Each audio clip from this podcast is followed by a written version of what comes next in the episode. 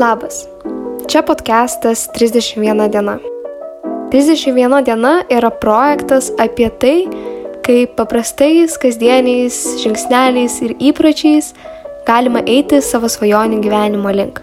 Šiame antrajame podcast'o epizode jūs girdėsite mane, Simoną ir tinklaraščio pusryčiams autorę, taip pat laisvai samdomą reklaminių tekstų kurėją Gabrielę Žitautaitę. Pasikalbėjome, kaip atrodo jos kasdienė rutina, kas jai padeda išlikti kūrybingai ir produktyviai ir kaip ji perėjo į laisvai samdomos darbuotojos rolę bei dar daugiau įdomių dalykų. Tad tikimės, kad podcastas jums maloniai susiklausys.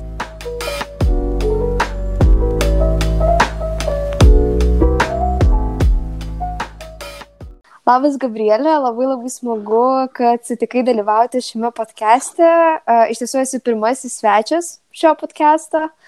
Tai gal tada pradžią galėtum tiesiog prisistatyti, kas tu esi ir ką veiki. Tai labas, Mona, man labai malonu, kad aš tapau to pirmoji svečiu, čia tokia kaip ir garbė. Aš esu Gabrielė, tinklarašio pusryčiams autorė, taip pat iš esmės tai mano didžioji dalis veiklos yra pusryčiams tinklaraštis, o kol nerašau tinklaraščio, tol rašau tekstus klientams, tai yra esu copywriterė, kartais konsultuoju rinkodaros klausimais, nes turiu tame patirties, tai žodžiu, tokia mano ir yra visa veikla, užimanti daug skirtingų dalių, sakyčiau. Supratau. A, tai kaip suprantu, šiuo metu dirbi iš namų, taip? Taip, čia jau koks mėnesis turbūt praėjo, kaip ir be karantino dirbu tik savo ir tik iš namų. Fainai, tai šiaip aš biški vėliau tavęs paklausinėsiu dėl viso to freelancinimo, nes iš tiesų labai labai įdomu, bet pradžioje tiesiog toks klausimas, tai kaip šiaip atrodo dabar tavo kasdienė ar savaitinė rutina karantino metu? Tai aš nepasakyčiau, kad jinai labai pasikeitė atėjus karantinui. Iš esmės, kai tik pradėjau freelancinti, visada turėjau susidarius savo panašią rutiną tai realiai kiekvieną darbo dieną aš dirbu kaip ir visi kiti, dažniausiai nuo kokios 9 valandos. Kelis kartą per savaitę rytą pradedu mankštą, tai yra jeigu tada kažkaip užsivėlinu su, su sportu, tai tada darbo diena šiek tiek nusikelia, bet e, tai dažniausiai reiškia, kad tiesiog dirbu ilgiau, nes visus darbus vis tiek reikia pasidaryti.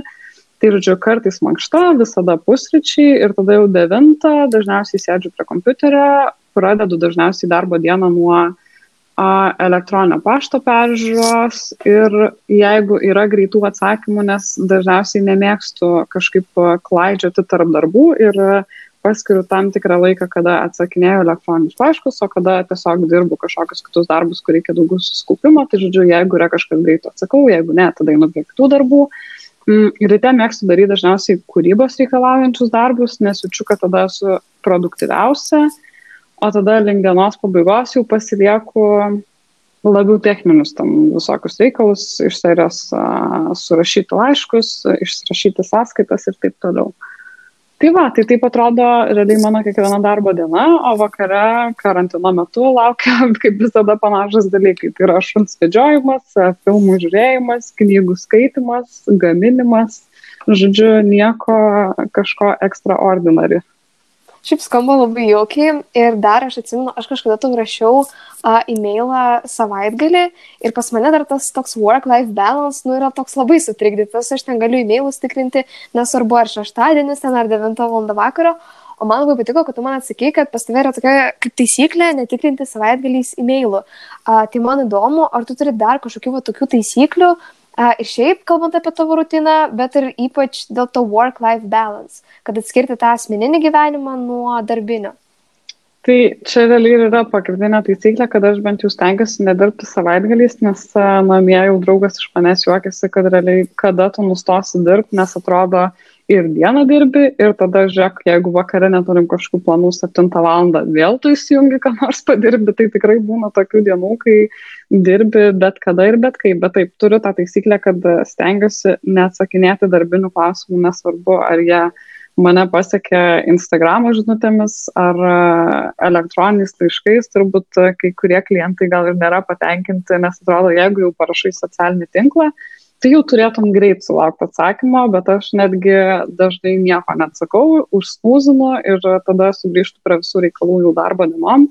Tai kažkaip savaitgalį stengiuosi neįsivelti iš tuos reikalus Ir kažkaip man dabar atrodo, kad toks tikslas į ateitį yra labiau suvaldyti visą šitą chaosą darbo ir nedarbo laiko, nes, kaip ir sakiau, kartais jaučiu, kad e, nuklystu ir kad e, kartais pasidarbuoju ties kažkokiais reikalais ir nedarbo metu, bet e, gal iš esmės man šiek tiek sutrikdo visą balansą ir tai, kad mano užduotis dažnai reikalauja kūrybos. Tai realiai, jeigu tu kažkur vaikštai gamtoj ir sugalvoji kažkokią idėją, tai nori, nenori, reikia grįžti ir bent jau pasižymėti, ką tu ten sugalvoji, nes kitaip pamirši ir tai pradings. Tai kartais būna, kad ir tas pasižymėjimas, jeigu tam su kažkokiais, nežinau, juodrašiais užtrunka kokią valandą, tai žiūrėk, va ir savaitgalį dar padirbi kanos.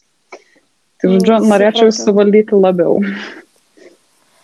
Um, o kas karantino metu tau padeda išlikti produktyviai ir kūrybingai? Ir iš vis, ar karantinas paveikė tą tavo produktyvumą ir kūrybingumą? Dėl kūrybingumo, kaip jau išgirdau, tai gal ne taip tave paveikė, bet šiaip jeigu gali pasidalink, bet kaip tavo tas santykis yra ir su kūryba, ir su produktyvumo, e, kai karantinas, nors šiaip kaip perėjai prie to darbo iš namų. Aš nepasakyčiau, kad man turėjo labai daug įtakos tiek produktivumui, tiek kūrybiškumui, todėl kad aš dažniausiai jau buvau įpratusi turėti savo tą rutiną ir turėti savo kažkokias produktivumo valandas, nes, pavyzdžiui, aš labai mėgstu stebėti, kiek aš laiko sėdžiu prie tam tikros užduoties, tai yra aš visada naudoju uh, toggle, taip ir vadinasi, jisai man atrodo toggle time trackeris, tai yra, kai aš pradedu kažkokią užduotį, aš dažniausiai nuimu laiko pradžią ir tada pabaigą ir stebiu, kiek man ta užduotis užtruko, kad nebūtų taip, jog pradėjau kažką daryti, tada pasiimu telefoną, šiek tiek įlendu, tada jau jaučiu, kad į tą valandą įsiterpia 15 minučių pramogų, tai žodžiu, kažkaip aš visada turėdavau tokią ganėtinai aiškę rutiną ir laiko kontrolę, tai aš nepasakyčiau, kad mane labai išbalansavo kompensavo tas karantinas, nes aš tiesiog ir anksčiau suprasdavau, kad e, reikia vienu ar kitu metu dirbti ir dabar suprantu, ir ar tai seniau eidavau į ofisą, ar va dabar sėdžiu namie, tai kažkaip e, iš esmės e, tai neturi jokios įtakos. Bet kūrybiškumai man gal šiek tiek kas trukdo, tai kad yra mažiau interakcijų su žmonėm. Bet natūralu, kad dabar sėdim namie, bent jau mes susitinkam su kažkokiais kitos aplinkos žmonėm retai, tai dažnai būna, kad uh, visokių idėjų bendrų sugalvoji, arba šiaip iš pokalbio kažkas gimsta ir tiesiog sugalvoji idėjų savo kažkiem ateities projektam. O iš esmės dabar, kai tos interakcijos yra tokios ganėtinai ribotos, tai gal man tas socialinis aspektas šiek tiek e, turi įtakos, kad kai mažiau socializuojas, tai nu, trūksta kažko.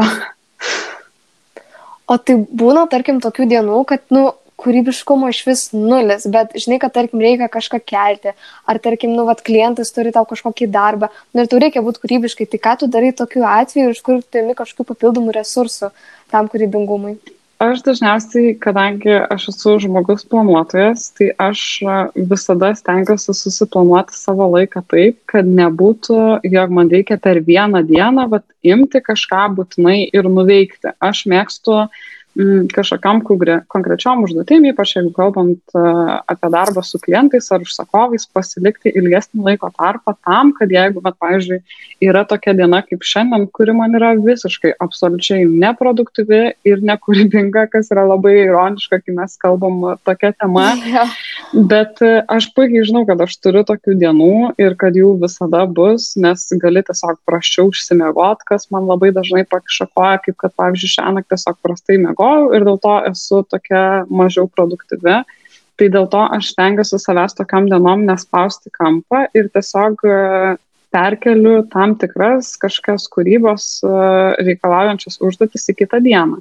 Bet to negalėčiau padaryti, jeigu nebūčiau iš anksto susiplanavus laiko. Tai žodžiu, mane dažniausiai gelbėja ne kažkokie net nežinau, ne kažkokia kūrybiškumo rutina ar kažkokie konkretūs veiksmai, aš neinu pasivaikščiot ar, nežinau, neinu pasportuoti tam, kad įgyvendinčiau kažkokias kūrybingas užduotis, bet aš tiesiog mėgstu savo užsidėti laiko, kad jeigu ką galėčiau tai atidėti. Tai žodžiu, šitas man turbūt labiausiai ir padeda.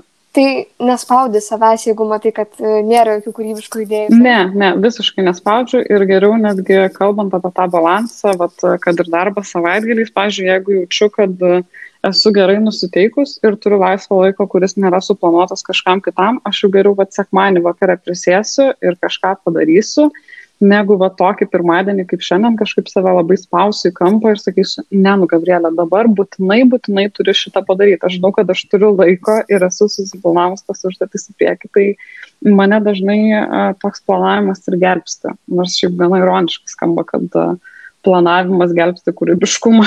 Ja, įdomiai, bet fainai, fainai šitą taisyklę. Ir tada dar kalbant apie kūrybiškumą, tai turi tokį, nu, bent jau mano manimu, tai žiūri kūrybingą projektą, tai pusryčiams.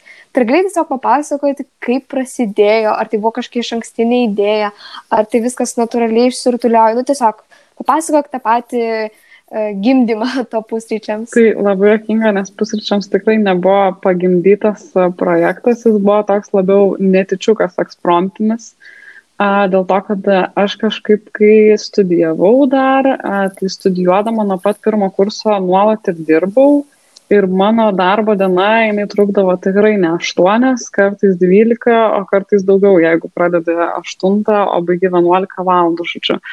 Tai kadangi aš nelabai turėjau laiko jau studijų metais, tai taip natūraliai susidėliodavo, kad mano visi valgymai būdavo kažkur ne namie ir ne mano gaminti, išskyrus pusryčius. Ir kažkaip e, aš tą pusryčiavimą paverčiau tokiu ritualu, kad netgi anksčiau keldavausi, ten, jeigu galėčiau keltis, e, nežinau, pusę septynių, aš keldavausi šeštą, kad pasidaryčiau kažką savo skaniau ir įdomiau valgyti. Ir bent jau tas rytas prasidėtų nebėgte. Tai žodžiu, kažkaip uh, natūraliai gimė mano tas pusryčių ritualas. Aš tada jau, kai išmokau kažkaip gražiau fotografuoti tai, ką valgydavau tą savo lėkštėje, pradėjau tiesiog visko dalinti savo asmeniniai paskiroj. Mm, pradėjau dalinti savo asmeniniai paskiroj, tada, žodžiu, atsirado daug draugų, kurie sakė, nu, Gabrielė, tai kada jau čia knyga arba bent koks tinklaraštis. Ir aš kažkaip vis galvodavau, gal aš ir turiu idėjų, gal būtų visai ir smagu, vis tiek aš mėgstu ir gaminti, ir kažkaip nesvetimas man tas estetinis pajūtimas, ir fotografuoti visai moku, gal čia ir būtų visai smagus projektas, bet kažkaip nerasdavau, nerasdavau laiko, kol vieną rytą atsikeliu galvoju, ai nu, o kodėlgi ne, turiu labai daug nuotraukų jau iš seniau, kuriam galiu persi, pasidalinti iš naujo. Tai tiesiog atsisėdau, galvoju, koks čia gali būti pavadinimas ai, darom paprastai, bus apie pusryčius, tai tegul būna pusryčiams, pasitikrinau, kokie yra laisvi domenai, kokie yra neužimti e, Instagramo akantų pavadinimai, nes man atrodo, gal aš netgi bandžiau pusryčiai, pusryčiai tiesiog, bet nebuvo laisvų. Tai žodžiu, tiesiog kas buvo laisva, tą pasiemiau, sukeliu senas nuotraukas, kurias turėjau, uždėjau gražų efektą ir taip ir gimė. Ir tiesiog kažkaip aš pamenu, kad e, čia buvo jau prieš porą metų, taip, nes šį spalį aš minčiau antrą gimtadienį. Ir aš pamenu, kažkaip pasidalinau, tai visi draugai sujudo, visiems buvo labai smagu, tada draugai pasidalino, tada draugų draugai, va čia kažkaip jau pradėjo followint ir žiūriu, kad jau yra tūkstantis e, followerių ten per savaitę ar dvi ir tada galvoju, oho, oho nu tai panašu, kad reikia čia kažką daryti. Ir tada visiškai neturėjau jokio plano pradėjau nuo Instagramo paskyros, tada praėjo kažkiek mėnesių, sugalvojau sukurti, e, dar sukūriau tada iš karto Facebook'o profilį, tada praėjo keli mėnesiai sukūriau e, tinklaraštį jau normalų WordPressinį, kur pradėjau kelti receptus vietoj to, kad kelčiau Instagramą. Ir, žodžiu, kažkaip labai taip e, organiškai viskas augo, augo ir išaugo iki realiai pusę mano darbo. Tai va, tai tokia ir istorija. Tai iš to tūkstančio dabar užsiauginai tikrai nemažą auditoriją. Kiek žiūrėjau paskutinį kartą, tai lyg ir buvo 20-21 maždaug tūkstantis. Um, tai iš pradžių sakai, kad viskas taip organiškai atėjo žmonės, bet dabar jau vat, po tų poros metų gal jau turi kažkokių minčių, kokie buvo tie esminiai gal faktoriai, kurie padėjo suburti tokią tikrai nemažą auditoriją žmonių. Aš manau, kad bent jau kai pakalbu su kitais žmonėm, ką jie labiausiai išskiria apskritai pusryčiams kontekste, kas man labiausiai padėjo, tai ko gero yra estetinis visas vaizdas, todėl kad Mm, nuo pat pirmų nuotraukų aš visuomet savo pusryčių patiekalus fotografuodavau tik lovai, tai žodžiu toks tai naujas konceptas, kur netiesiog ant stalviršio padėta lėkštė ir pabarstyti įvairiausių dalykų aplinkui, kas e, yra gana tradicinis e, prieimas šitam pasauliu. Mm, tuomet turbūt tai, kad aš kažkaip niekada nebandžiau kelti to, kas nėra man artima. Gal pradžioje ir buvo toks, kad uh, mm, tai dabar visi čia nevalgo cukraus, tai gal reiktų ir man pradėti vat, vietoj į blynus dėti ne cukrų, o kokias nors datelės. Bet tada staiga grįžau į realybę, supratau, kad tai yra ne apie mane ir kažkaip visada likau arti to savo, nežinau kaip čia pasakyti, asmeninio brendo, galbūt niekada nedarau to, kas nėra artima man pačiai.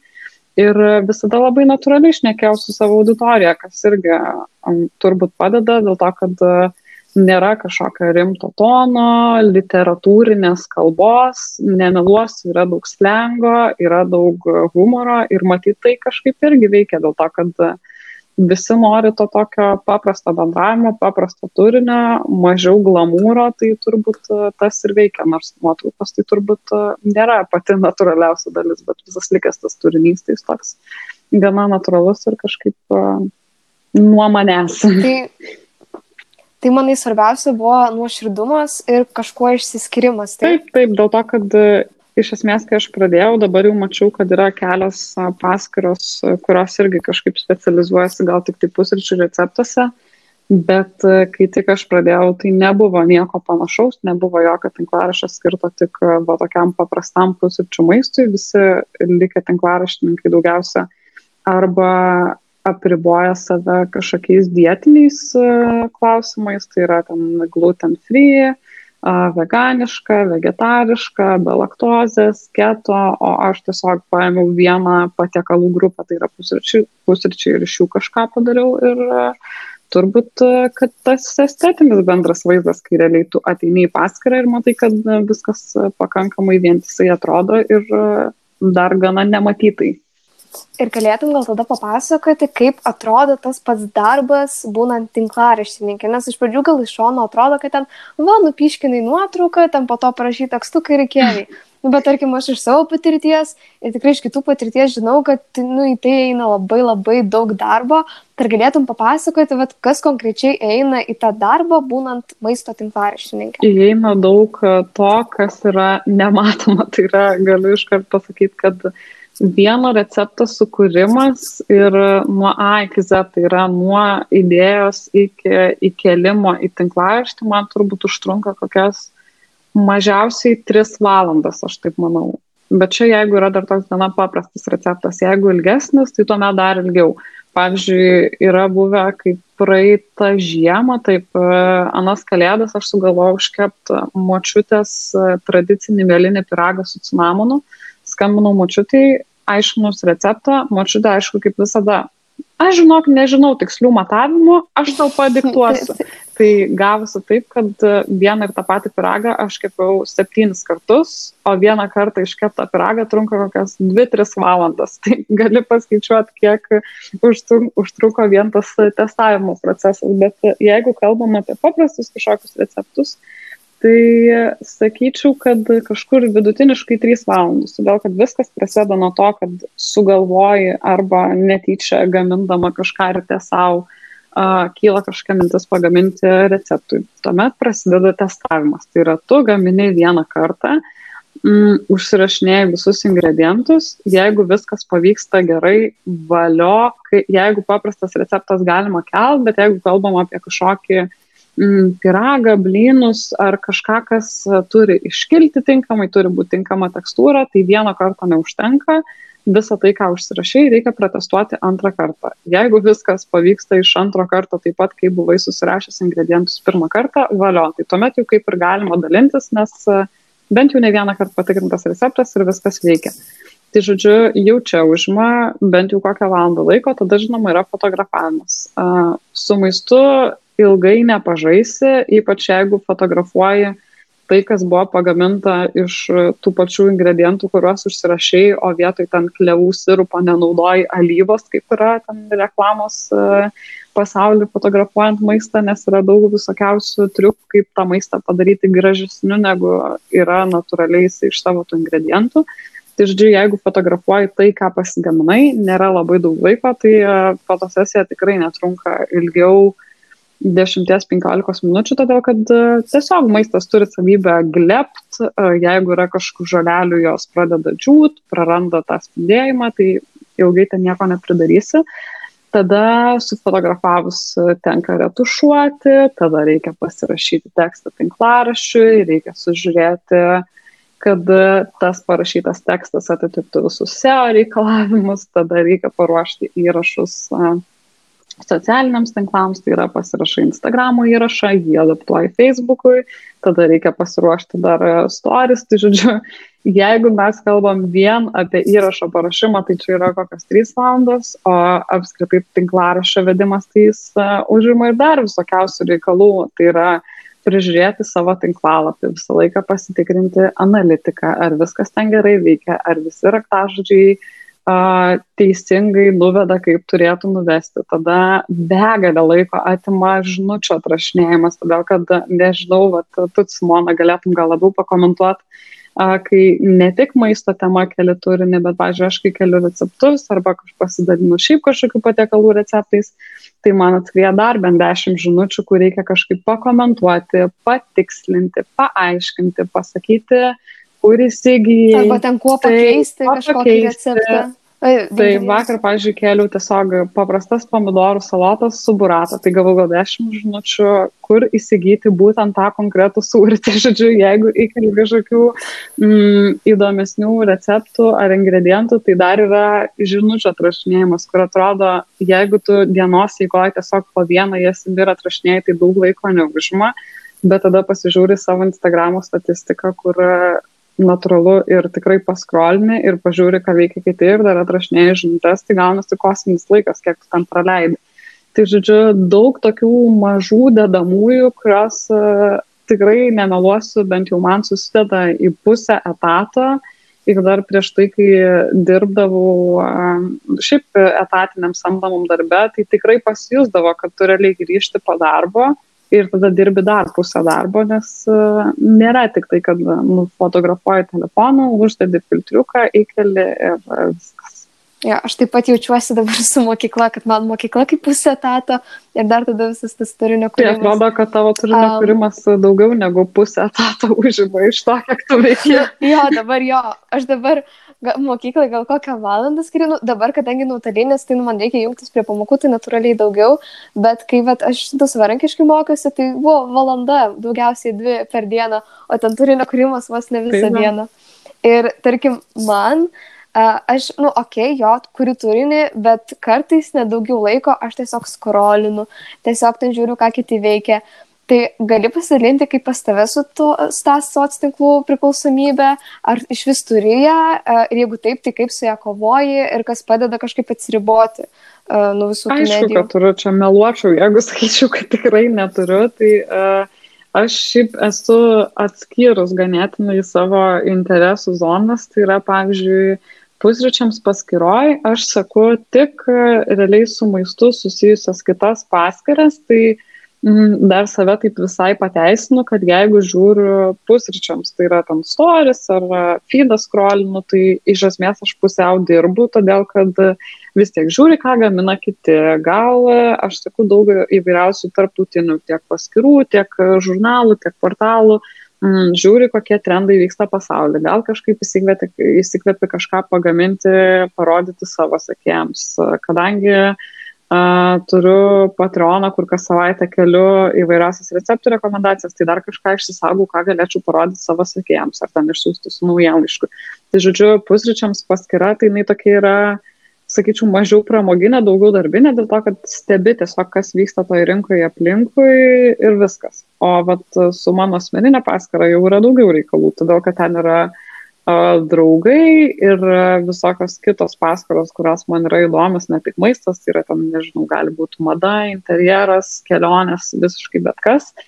Tai ten tikrai jau, kai įlendi, tai į tą, nežinau, rabbit hole, ar yra lietuviškas išsireiškimas, bet kur tiesiog tada kaip į centrifugą įsuka ir, ir skrolina. Tai aš kažkaip stengiuosi gal apriboti, bandžiau užsidėti reminderį, kurį turi Instagramas, kur jeigu praleidi ilgiau negu pusvalandį, gauni notifikationą, kad jau tau šiandien gana. Tai galiu pasakyti tiesiai šviesiai, kad man jis neveikia, todėl kad būna kartais, kad kol įkeli turinį, praeina tas pusvalandis, išjungi ir tada toliau sėkmingai naudoju visą dieną.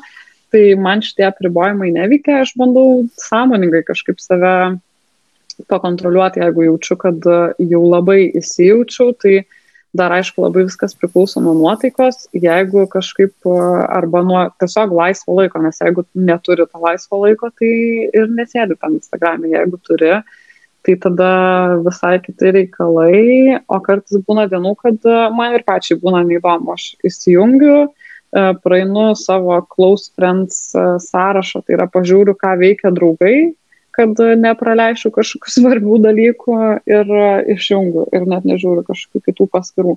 Tai man kažkaip tas skrolinimas, aišku, yra problema, jeigu yra laiko, bet kadangi aš dar turiu tokią taisyklę, kad stengiuosi nemegoti su telefonu mėgamajam, tai yra išnešu uh, telefoną į svetainę prieš eidama miegoti, tai realiai, man atrodo, daugiausia bent jau mano gyvenimo skrolinimo būdavo ryte tik atskėlus pirmą pusvalandį, kur tiesiog negali išsiristi iš lovos ir vakare prieš einant miegoti, bet jeigu padedi telefoną į šoną, tai yra net ne į šoną, į kitą kambarį ir kažkaip neskrolini ryte ir vakare, tai to skrolinimo šiek tiek susimažina ir dar stengiuosi telefoną padėti kažkur toliau, kai dirbu, nes tikrai yra tas nevalingas e, noras paimti ir pažiūrėti, kas ten vyksta. Supratau. Ir neseniai, e, čia lyg ir minėjai, mėnesį atgal uh, išėjai freelancinti. Čia lietuviškai būtų tai laisvai samdomas darbuotojas, jei neklystu. A, tai va, tai iš vis kas tave pastumėjo žengti tokį, sakyčiau, visai ryštingą žingsnį ir tiesiog kaip nusprendėjai uh, pradėti? Tai aš apie tai jau galvojau labai ilgai, nes uh, realiai uh, to darbo už darbo vadinamo, tai yra laisvai samdomo darbo, be to, kurį dirbu, jau, dirbu kaip samdomo darbuotoja pilna etatų. Tai jo buvo jau senokai ir visai nemažai, todėl kad kai prasidėjo pusryčiams, tai realiai uh, po kokio pirmo pusmečio aš jau pradėjau gauti bendradarbiavimo pasiūlymus, kur tiesiog yra kažkokie sustarimai, kurių tu negali apeiti ir reikia viską daryti čia ir dabar ir tau reikia derinti mm, savo turinio kūrimą, tai yra kažkokį receptų galvojimą, tada dar darbas su užsakovais, kurie nori reklamos tavo kanale ir pilną etato darbą ir po to dar kai prasidėjo visokiausios fotosesijos renginiai ir dar kiti reikalai. Uh, Tai aš tiesiog supratau, kad aš dirbu pusantro etato arba du etatus ir labai ilgai galvojau, ką su tuo reikia daryti, nes supratau, kad negaliu tiek daug dirbti ir reikia aukoti vieną arba kitą. Tai natūralu, kad mano visos asmeninės veiklos, tai yra tiek pusryčiams, tiek kai kurie vis atsirandantis uh, užsakymai e, rašyti tekstams, jie man buvo arčiau širdies, tai tiesiog taip ir kažkaip natūraliai priėmiau sprendimą tada, kada jau nebespėjau tiesiog, kur grįždavai 6 val. iš darbo ir tada dirbdavai dar iki 10, eidavai miegoti, vėl keldavai 7, vėl varydavai darbą, vėl grįždavai 6 ir vėl iki 10 prie kompo.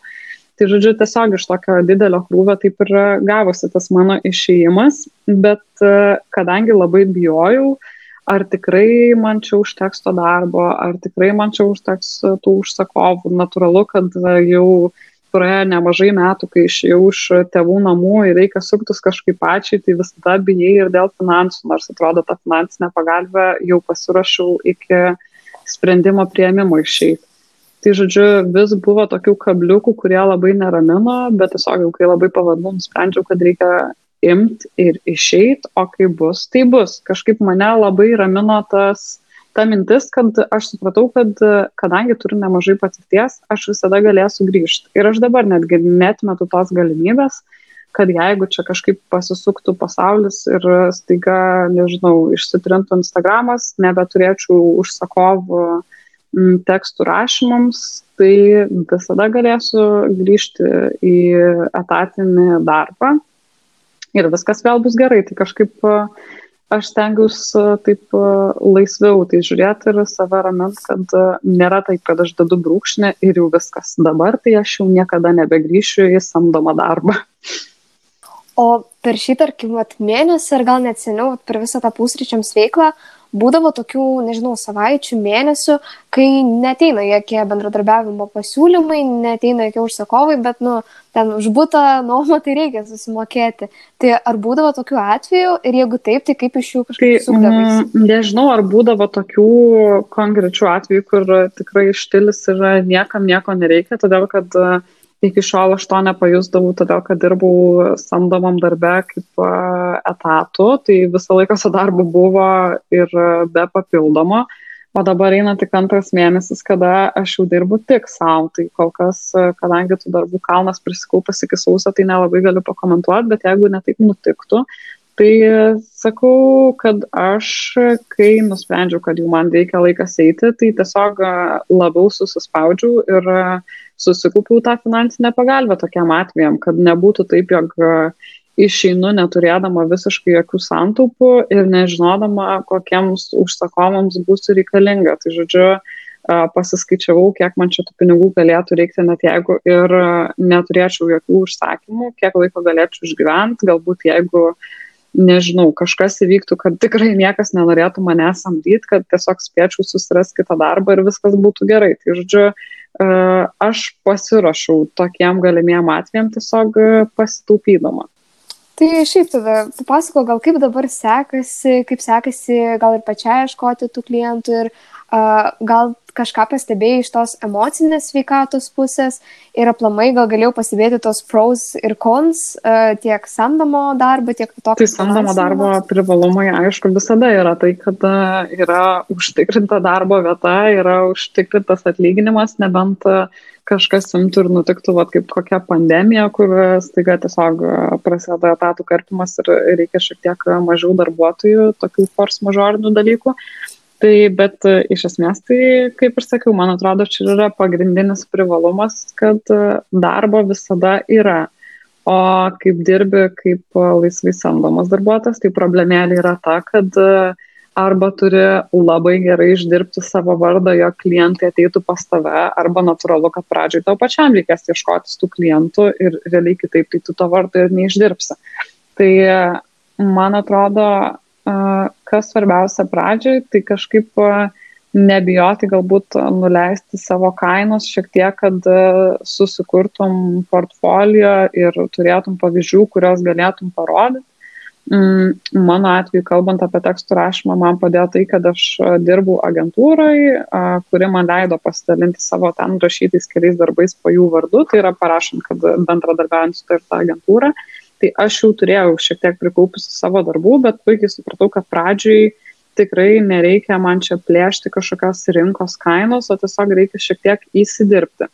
Tai aš tą pradėjau daryti dar netgi neišėjus iš darbo, tai lygiai taip pat kaip kaupiau finansinę pagalbę, tai tuo pat metu kaupiau ir portfolio, kad kai išeičiau, jau turėčiau ką parodyti klientams, kurių ieškosiu kai tik išėjau, tikrai buvo laikas, kai turėjau pati jų ieškoti, tai a, dabar yra labai daug puikių tam platformų, tai visų pirma, klesti Facebook'o grupė freelancerių darbo pasiūlymai, kur tiesiog kas kelias minutės įkrenta įvairiausių specialistų paieškų skelbimai, yra tie patys portalai paslaugas LT, yra tarptautiniai portalai, pavyzdžiui, Upworkas arba Fiverris, tai žodžiu, yra daug vietų, kur tą darbą susirasti. Tiesiog aš manau, kad tą reiktų pradėti daryti dar iki tol, kol išeini. O kalbant apie emocinę sveikatą, tai natūralu, kad šiek tiek gazdina tas neužtikrintumas ir mane pačią gazdina, nes prieš išeinant labai kažkaip sunku priimti tą sprendimą, žinant, kad ne viskas tikrai bus gerai ir kad galbūt bus tokių dienų, kai nebus darbo, bus tokių dienų, kai bus labai daug darbo ir aš dabar netgi taip pat kartais jaučiuosi, kur atrodo viena diena laisvesnė, o tada po kažkiek laiko jau sukrenta labai daug deadline į vieną vietą ir atrodo, kad, nežinau, pulveršiais reikia lėkti, kad viskas pėtų. Tai kažkaip nėra to tokio labai didelio gali kartais atrodyti, kad nėra pasiskirstimo darbo, kad nėra kažkokio konkretaus flow, bet uh, man labai atsveria tai, kad e, aš pati planuoju savo laiką, kadangi niekada neturėjau problemų su laiko planavimu, tik kaip ir sakiau, aš mėgstu užsidėti daugiau laiko iki deadline'ų, kai aš tai padarau, tai reiškia, kad aš vidurį dienos galiu išeiti pasivaikščiot, jeigu aš turiu neproduktyvę dieną, aš galiu ilgiau pagulėti lovą ir paskaityti knygą ir tada galbūt uh, vakare prisės padirbti, kad e, man reikia būtinai 9 val. atsiversti kompą ir būtinai iki 6 valandų sėdėti prie jo. Tai žodžiu, mane turbūt e, šitoj kelioniai labiausiai džiugina tai, kad e, aš pati galiu viską susiplanuoti, susidėlioti prioritetus ir kad nereikia niekam būti atskaitingai, tik pačiai savo, kas aišku priklauso turbūt labai nuo žmogaus, kuris dirba. Mm, nes čia gali būti ir tokia slidi vieta, jeigu trūksta šiek tiek savikontrolės e, viskam sukontroliuoti, bet e, kadangi aš kažkaip visada buvau tokia, nežinau kaip čia pasakyti, nuo mokyklos gal pirmūnė, kur man visada viskas turėjo būti savo vietose, tai kažkaip e, kol kas pavyksta visą tai susidėlioti. Tai žodžiu, tokie tie turbūt privalumai ir trūkumai. O kai išeidinėjai iš įprasto darbo, tai ar buvo kažkokių limituojančių nusiteikimų, Um, ir jeigu taip, tai ar jie vėliau pastebėjai, kad iš tiesų tai jie nėra tokie tiesa, kaip tau atrodė? Da, kaip tarkim, nežinau, negalėsi užsidirbti pakankamai ir panašiai. Tai man turbūt e, gal labiausiai ir kišo tas koja, kad aš bijojau, kad e, negalėsiu užsidirbti tiek, kiek aš noriu, nes e, natūralu, kad per tiek metų jau buvau pripratusi prie stabilių pajamų. Uh, Tai šitas buvo baisu, dar buvo baisu, kad e, kaip man reiks susirasti tuos pirmus klientus, nors šildinėdama aš jau juos kelis turėjau ir netgi jau buvau visai įsidirbus link e, nuolatinio bendradarbiavimo, tam tiek iš pusryčiams, tiek e, iš tekstų kūrimo, bet vis tiek kažkaip gazdino, kad tai gerai, aš, vat, man atrodo, konkrečiai kalbant, tai aš rugsėjai baigiau savo jau darbą agentūrai paskutiniai ir tada galvoju, gerai, tai spalį aš turiu jau susiplanavus darbų, bet aš visiškai neįsivaizduoju, kas manęs laukia lapkritį ir gruodį. Tai turbūt baisiausias ir buvo tas neužtikrintumas, kur tu negali susiplanuoti pusmečiai į priekį, nes tu nežinai, kokie ten tavęs klientai laukia. Aš turiu ten kažkiek įsipareigojimų nuolatinių, tai yra nuolatinių bendradarbiavimų ir nuolatinių užsakovų kaip copywriterė, bet iš esmės tai vis tiek e, po kelių mėnesių viskas bus labai pasikeitę. Tai gazdino tas neužtikrintumas ir dabar jis realiai toks pat yra, tiesiog e, kažkaip, man atrodo, gal ilgainiui su tuo susigyvenama. Ir liečiant dar pinigų temą, tai sakei, kad esi toks, nu, disciplinuotas žmogus. O tai kalbant apie tos finansus, tai kaip tau sekasi, tarkim, nežinau, ar taupyti, ar turi kažkokių ten savo taupimo taisyklių, ar užsirašai savo biudžetą, nu, aplamai, kokie yra tavo tie santykiai su pinigais, taupimu. Aš pastebėjau, kad aš dalykais. pastaraisiais metais apskritai turbūt pradėjau išleisti mažiau pinigų, gal dėl to, kad apmažėjo poreikiai, atsirado kažkoks samoningumas, nebesinori tiek daug vartot, kažkada netgi praėjau pro visas tas greitosios mados parduotuvės ir galvoju, hmm, geras, nepamenu, kada ten buvau. Tai buvo toks labai geras jausmas, kai supranti, kad nebeišleidi tokiam dalykam, kurie yra visų pirma tai ir netvarus, ir antra, tai tiesiog ryja tavo pinigus. Tai e, čia pirmas toks dalykas, bet šitas kažkaip atėjo natūraliai, o šiaip savo išlaidų neskaičiuoju, bet uh, turiu savo projektų Excelį, kur kiekvieną mėnesį susivedinėjau visas savo darbinės pajamas ir išlaidas, tai yra uh, A, ten iš serijos susivedu, kiek yra grinų pajamų, kiek reikia atsidėti mokesčiams, mokesčius, kadangi dirbu pagal individualią veiklą, persivedu į kitą sąskaitą, tada kažkiek atsidedu į taupimo sąskaitą, tai vėlgi pinigai iškeliauja į dar vieną sąskaitą, tai yra trys einamosios sąskaitos, ta einamoji, tuomet, kur jau vyksta visi pagrindiniai mokėjimai, tada yra mokesčių sąskaita, kurią laikau gegužės mėnesiui. Ir yra taupimo sąskaita, kur tiesiog atsidedu kažkokią dalį pinigų, bet nėra taip, kad mm, konkrečiai kiekvieną mėnesį žinau, kad atsidedu 20 procentų. Priklauso nuo to, koks mėnesis, kiek buvo projektų gyveninta, jeigu buvo geresnis mėnesis, tai atsidedu daugiau, jeigu buvo prastesnis mėnesis, atsidedu mažiau. Čia matyti dėl to, kad e, tos pajamos yra pakankamai nestabilios. Tai e, turbūt e, taip viskas ir vyksta, o tam Excelį visada susižymė, va, kaip ir sakiau, kiek užsidirbu, kiek reikia atsidėti mokesčiams, kiek nueina darbinėms išlaidoms, kad galėčiau stebėti, ar nereikia man atsisakyti kažkokių, nežinau, programėlių, prenumeratų, visus darbinius, visas darbinės išlaidas realiai žiūriu. O asmeninių tai nelabai stebiu, nes jaučiu, kad nėra taip, kad per daug išleidžiu. tai kol taip nėra, tai tol kažkaip e, ir nestebiu. Ir dar dėl tų programėlių, tai man čia jau asmeniškai įdomu, ar turi kažkokių programėlių, ar ten tinklalapių rekomendacijų, kurie tau padeda kažkaip kokybiškiau kurti turinį, ar ten tekstus rašyti? Galvoju dabar, su tekstais konkrečiai turbūt ne. Visus savo parašytus tekstus perlyčiu per tokį labai jokingą senovinį tinklalapį rašyba.lt, man atrodo, kur tiesiog išgaudytų, ar nėra kažkokių akies klaidų arba mislaipų. Tada jeigu rašau angliškus tekstus, tai naudoju Grammarly, e, kur irgi tiesiog patikrina, ar nėra kažkokių įsivėlusių klaidų. Tai apie tekstus turbūt tiek, o šiaip e, dažniausiai aš naudoju labai labai paprastus dalykus, tai yra Google Docsus arba Google Slides. Tai yra, jeigu derinas kliento, su klientas, pavyzdžiui, turinį, tai nenaudoju jokių mandrų software'ų, o tik tai Google visus reikaliukus, kuriuos labai lengva šėrinti. Ok, tai iš mano tų pagrindinių klausimų tai būtų jau tiek. Dabar turiu tik tokius papildomus klausimus, kurių klausiu visų svečių. A, tai visų pirma, ar turiu kažkokią knygą, kurią e, galėtum Tai šiemet e, perskaičiau dvi, kurios man kažkaip tarpusavį labai konkuruoja ir kurias abi norėčiau laikyti mėgstamiausiam. Tai yra uh, Hanos Kent paskutinės apygos ir iš Igūro neleisk man išeiti.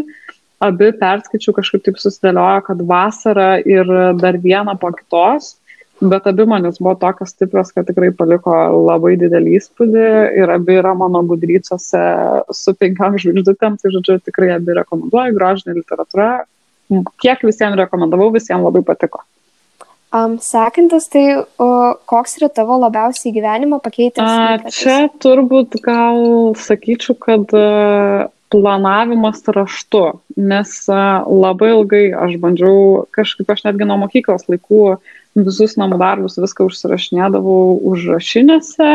Mm, visą laiką turėjau įpratį, kad man reikia kažkokios užrašų knygutės, kur galėčiau žymėtis visokias savo užduotis ir dabar gal jau prieš metus kiek pamenu, susidraugavau su planuokliu ir su bullet journaling šitą sistemą. Tai kažkaip manau, kad šitas man padėjo labiausiai susistruktūrizuoti ir visą dieną, ir savaitę, ir mėnesio darbus, ir kažkaip pasiekti gal efektyvumą. Tai turbūt, kad planuoklis ir planavimas raštu. Ir paskutinis klausimas, tai koks yra tavo sekantis žingsnis susijęs ar tai su kūryba, ar tai su tavo produktivumu, ar tai tiesiog su tavo gyvenimu? Negaliu išduoti kažkokių konkrečių projektų, kurių dabar esu prisigalvojęs milijoną. Taip, tai gali, bet turbūt labiausiai norėčiau labiau sustruktūrizuoti savo dieną ir kažkaip atrasti tą laisvalaikį ir darbo balansą, nes kartais dar jaučiu, kad uh, ir 7 ir 8 vakare mėgstu pasidėti prie kompiuterio ir gal va čia savaitgalį kokias nuotraukas paretušuoti, tai norėčiau labiau išmokti atskirti šitos dalykus. Tai čia toks mano artimiausias planas. Ir gerai, šitas klausimas nebuvo planuotas. o Dieve, visada taip sunku šitą atsakyti. Bet negaliu išsirinkti. Kažkada būdavo mylimiausia šakšuka, bet dabar jaučiu, kad e, man labiausiai patinka tokie labai paprasti dalykai. Kokie nors, pavyzdžiui, kadangi dabar pradėjau kep duoną, tai visokiausi taustai, ten pavyzdžiui, e, avokado taustas su kiaušiniu, koks nors humuso taustas. Uh, sumuštinis su keptom daržovėm ir kiaušiniu. Žodžiu, tokie namūdiniai sumuštiniai dabar man e, yra turbūt visiškai top, kai išmokau savo duoną kepti. Supratau, tai ačiū labai Gabrieliai už pokalbį, visas uh, programėlės ir viską, ką rekomendavai, tai aš paliksiu šio podcast'o aprašymę. Tai dar kartą ačiū labai labai, o su jumis ačiū tau, kitose epizoduose. Iki. Na, o apibendrinant mūsų pokalbį, tai pagrindiniai dalykai, kuriais pasidalino Gabrielė, yra visų pirma, kad Gabrielės rutinos karantinas per daug nepaveikė, nes ir prieš tai jį dirbo iš namų, plus tai tiesiog yra disciplinuotas žmogus, o labiausiai ta savidisciplina jai padėjo išsiugdyti viso ko užsirašymas į užrašinę bei laiko planavimas. Jos veikla su pusryčiams prasidėjo visišku ekspromptu. Tiesiog draugai ir pažįstami paskatino pradėti savo maisto blogą, o aplinkinių žmonės pritraukė patiekalų prieinamumas, Gabrielės nuširdumas ir estetinis profilis. Freelancinti Gabrielė išėjo, nes suprato, jog per daug darbų buvo oficinėme darbe ir jos asmeniniuose projektuose. Nors jis turėjo abejonių, tačiau nusprendė, kad tiesiog bus kaip bus. Vis vien dažniausiai atsiranda pakankamai darbų ir minėjo, jog iki sausio dar tikrai turi prisikaupusių veiklų.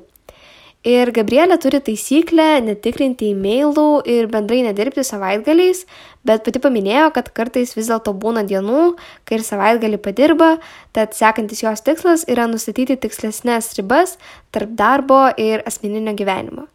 Na, aš Jums labai dėkoju, kad klausėte šio podcast'o. Jeigu Jums patiko, nepamirškite pasidalinti savo Instagram ar nusiųsti draugui, mums tai reikš labai daug.